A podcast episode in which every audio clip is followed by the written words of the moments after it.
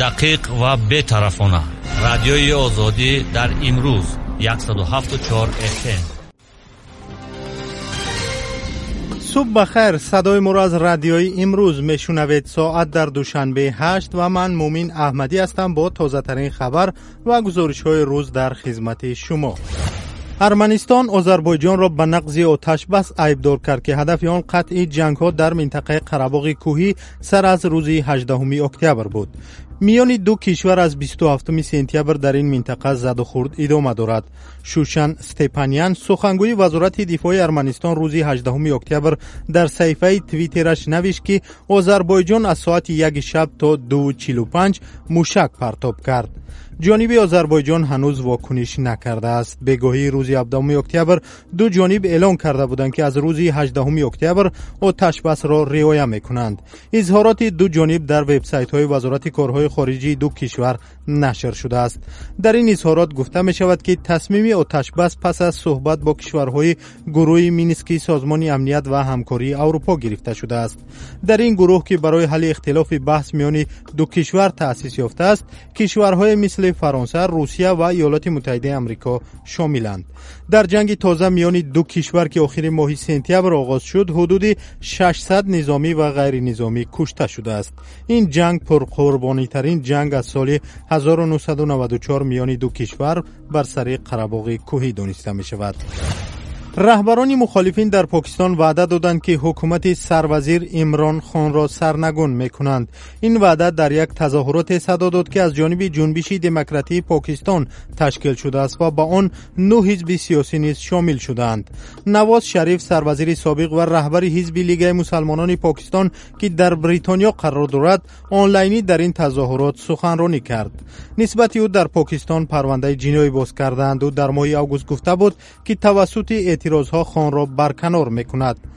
او در این سخنرانی آنلاینی خود گفت کی انتخاب مردم را رد کرد و به خوشی خود حکومت ساخت؟ چی کس امران خان را صدر ازم ساخت؟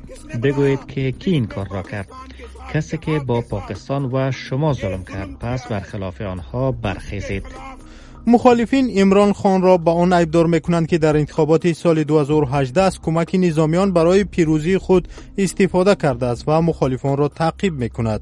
او این اتهام را رد کرده است.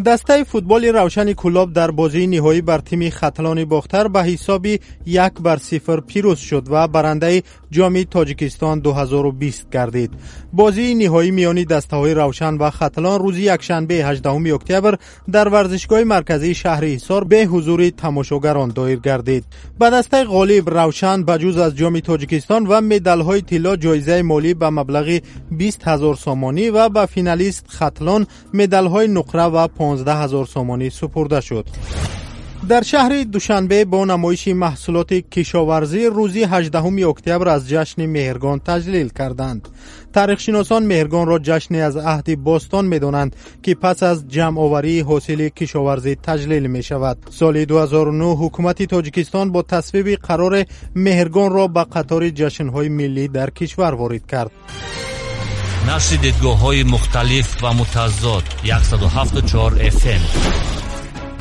бонки ҷаҳонӣ шахсеро ки дар як рӯз камтар аз бист сомонӣ барои худ харҷ мекунад сахт фақир мешуморад радиои озодӣ бо таҳқиқи ин мавзӯъ ба суроғи қиматгул сафолова як сокини душанбе рафт ки баъд аз марги шавҳар бо як писар танҳо монд ва солҳо боз зиндагии фақирона дорад شغل معین ندارد و برای دریافت روزی در خانه ساکنان کار می‌کند.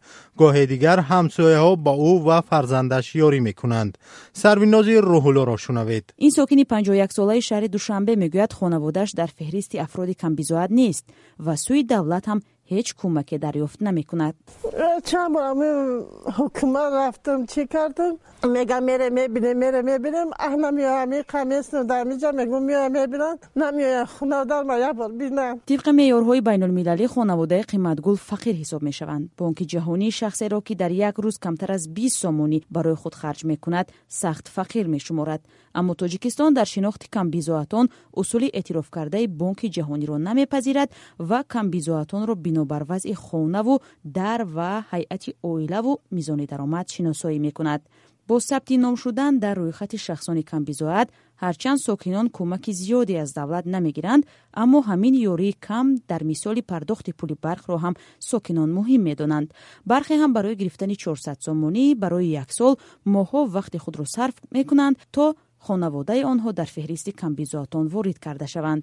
Бинобар омори расмӣ дар тоҷикистон ҳоло андаке беш аз 26 дарсади аҳолӣ камбизоат аст. Соима муҳаббатова сардори шӯъбаи таҳлили сиёсати иҷтимоӣ вазорати тандурустии тоҷикистон гуфт афроди камбизоатро ҳар сол як маротиба санадҳояшонро барои дубора номнавис шудан дар рӯйхати шахсони камбизоат месанҷанд камбизоат не нафақа асту не ягон кӯмакпулӣ ин он чизе аст ки яъне ки оила камбизоат дар давоми як сол бояд ки мавқеаша дигар кунад یعنی کمتر جنبد вай гуфт бар асоси омори расмӣ дар тоҷикистон 182 ҳазор хонавода камбизоат ҳастанд вале бо шурӯи пандемияи коронавирус ва аз кор маҳрум шудани садҳо нафар дар тоҷикистон ва русия эҳтимол дорад шумораи чунин хонаводаҳо бештар шуда бошад. Алишер раҷабов иқтисоддони бонки ҷаҳонӣ дар тоҷикистон дар як ҳамоиши минтақавӣ онлайнӣ гуфт мизони камбизоатӣ дар тоҷикистон характери мавсимӣ дорад. Барои мисол ӯ гуфт ки бо шурӯи фасли сармо сатҳи камбизоатӣ дар кишвар якбора поин меравад аммо дар тобистон ки меваю сабзаҷот фаровон аст ва ҳамчунин муҳоҷирон дар ин вақт ба наздикон маблағи бештар мефиристанд мизони фақр камтар мешавад ӯ ҳамчунин дар ин ҳамоиши онлайнӣ гуфт ки замони пандемия ки сарҳадҳо баста ва интиқоли маблағи муҳоҷирон коҳиш ёфт иқтисоди кишвар низ зиён дид сарвинози рӯҳулло дар бораи як хонаводаи камбизоат ва камбизоатӣ дар тоҷикистон гузориш дод самуэл пати устоди 47солаи фанни таърих ва ҷуғрофия дар фаронса баъд аз намоиши карикатура ё тасвирҳои танзомези пайғомбар муҳаммад ба шогирдонаш дар канори шаҳри париж кушта шудааст мақомоти фаронса рӯзи 17 октябр гуфтанд ки ҳамлавар ҷавони 18солаи чечен аз шаҳри москав аст ва ҳангоми амалиёт کشته شد. عبدالله اشور گزارش می‌دهد. امانوئل مکران رئیس جمهور فرانسه حادثه روز 16 اکتبر را حمله تروریستی اسلامگرایانه نامید وی گفت امروز یک هموطنی ما را به خاطر آنکه معلم بود و آزادی بیان را تعلیم می‌داد به قتل رسانیدند من عبدالله اشرف تفصیلات این موضوع را به شما تقدیم می‌کنم. رهبران مسلمان حادثه را محکوم کردند. بسیاری از شخصیت های شناخته آن را حمله به جوهر یا اساس دولت فرانسه ارزش های دنیویت آزادی عبادت و بیان دانستند. پلیس فرانسه گفت که حملهور هنگام عملیات بازداشت هدف تیر قرار گرفت و بعدا بر اثر جراحت های برداشتهاش جان باخت. در رابطه با این حادثه نه نفر از جمله بابا و بیبی و برادری 17 ساله حملهور را دستگیر کردند. مفتشان می‌گویند روز 17 اکتبر آنها را بازپرسی کردند нашрияи лемонт навишт бинобар санадҳое ки аз ҳамлавар ёфтанд. Ӯ ҳаждаҳсола чечентабор ва зодаи шаҳри москав аст. Мақомоти фаронса гуфтаанд мунтазири дақиқ шудани ҳуввияти ҳамлавар мемонанд пулис мегӯяд муаллим самуэл пати ҳангоми дарс дар бораи озодии баён. Карикатураи паёмбари исломро нишон додааст ва волидон нисбат ба он шикоят кардаанд рӯзи 9 октябр дар твиттер низ устоди таъриху ҷуғрофияро дар кофланд сент онорин ба намоиши тасвирҳои танзомези паёмбари ислом муттаҳам карда буданд. Мақомоти фаронса мегӯянд муаллим баъд аз он таҳдид ба марг шуда буд. Ҳамла ба ӯ бегоҳи ҷумъа дар кофланд сент онорин дар наздикии бинои мактаб сурат гирифтааст солҳои ахир фаронса шоҳиди ҳамлаҳои хушунатомези ифротгароёни исломӣ будааст. Дар ин кишвар дар аврупои ғарбӣ ҷамъияти бузургтарини мусулмонҳо ба сар мебаранд. Бархе аз онҳо чеченҳое ҳастанд ки пас аз ҷанги русия дар чеченистон дар солҳои навадум паноҳанда шудаанд ҳодисаҳои ахир дар ҳоле рух дод ки моҳи гузашта марде ки аз покистон ба фаронса муҳоҷират карда буд ду нафарро дар наздикии дафтари маҷаллаи ҳаҷвии шарли эбдо захмӣ кард карикатураҳои пайғамбари ислом муҳаммад бори аввал дар оғози соли 2015 дар шарли эбдо нашр шуда. Кормандони маҷалла ҳадафи ифротгароёни исломӣ қарор гирифта буданд در حمله های ماه ینور سال 2015 به اداره مجله 12 نفر کشته و 11 کس مجروح شدند. بعد 10 ماهی حادثه ماهی نوامبر سال 2015 در حمله به مرکز دلخوشی در شهر پریش 130 نفر کشته و بیش از 400 نفر زخمی شدند.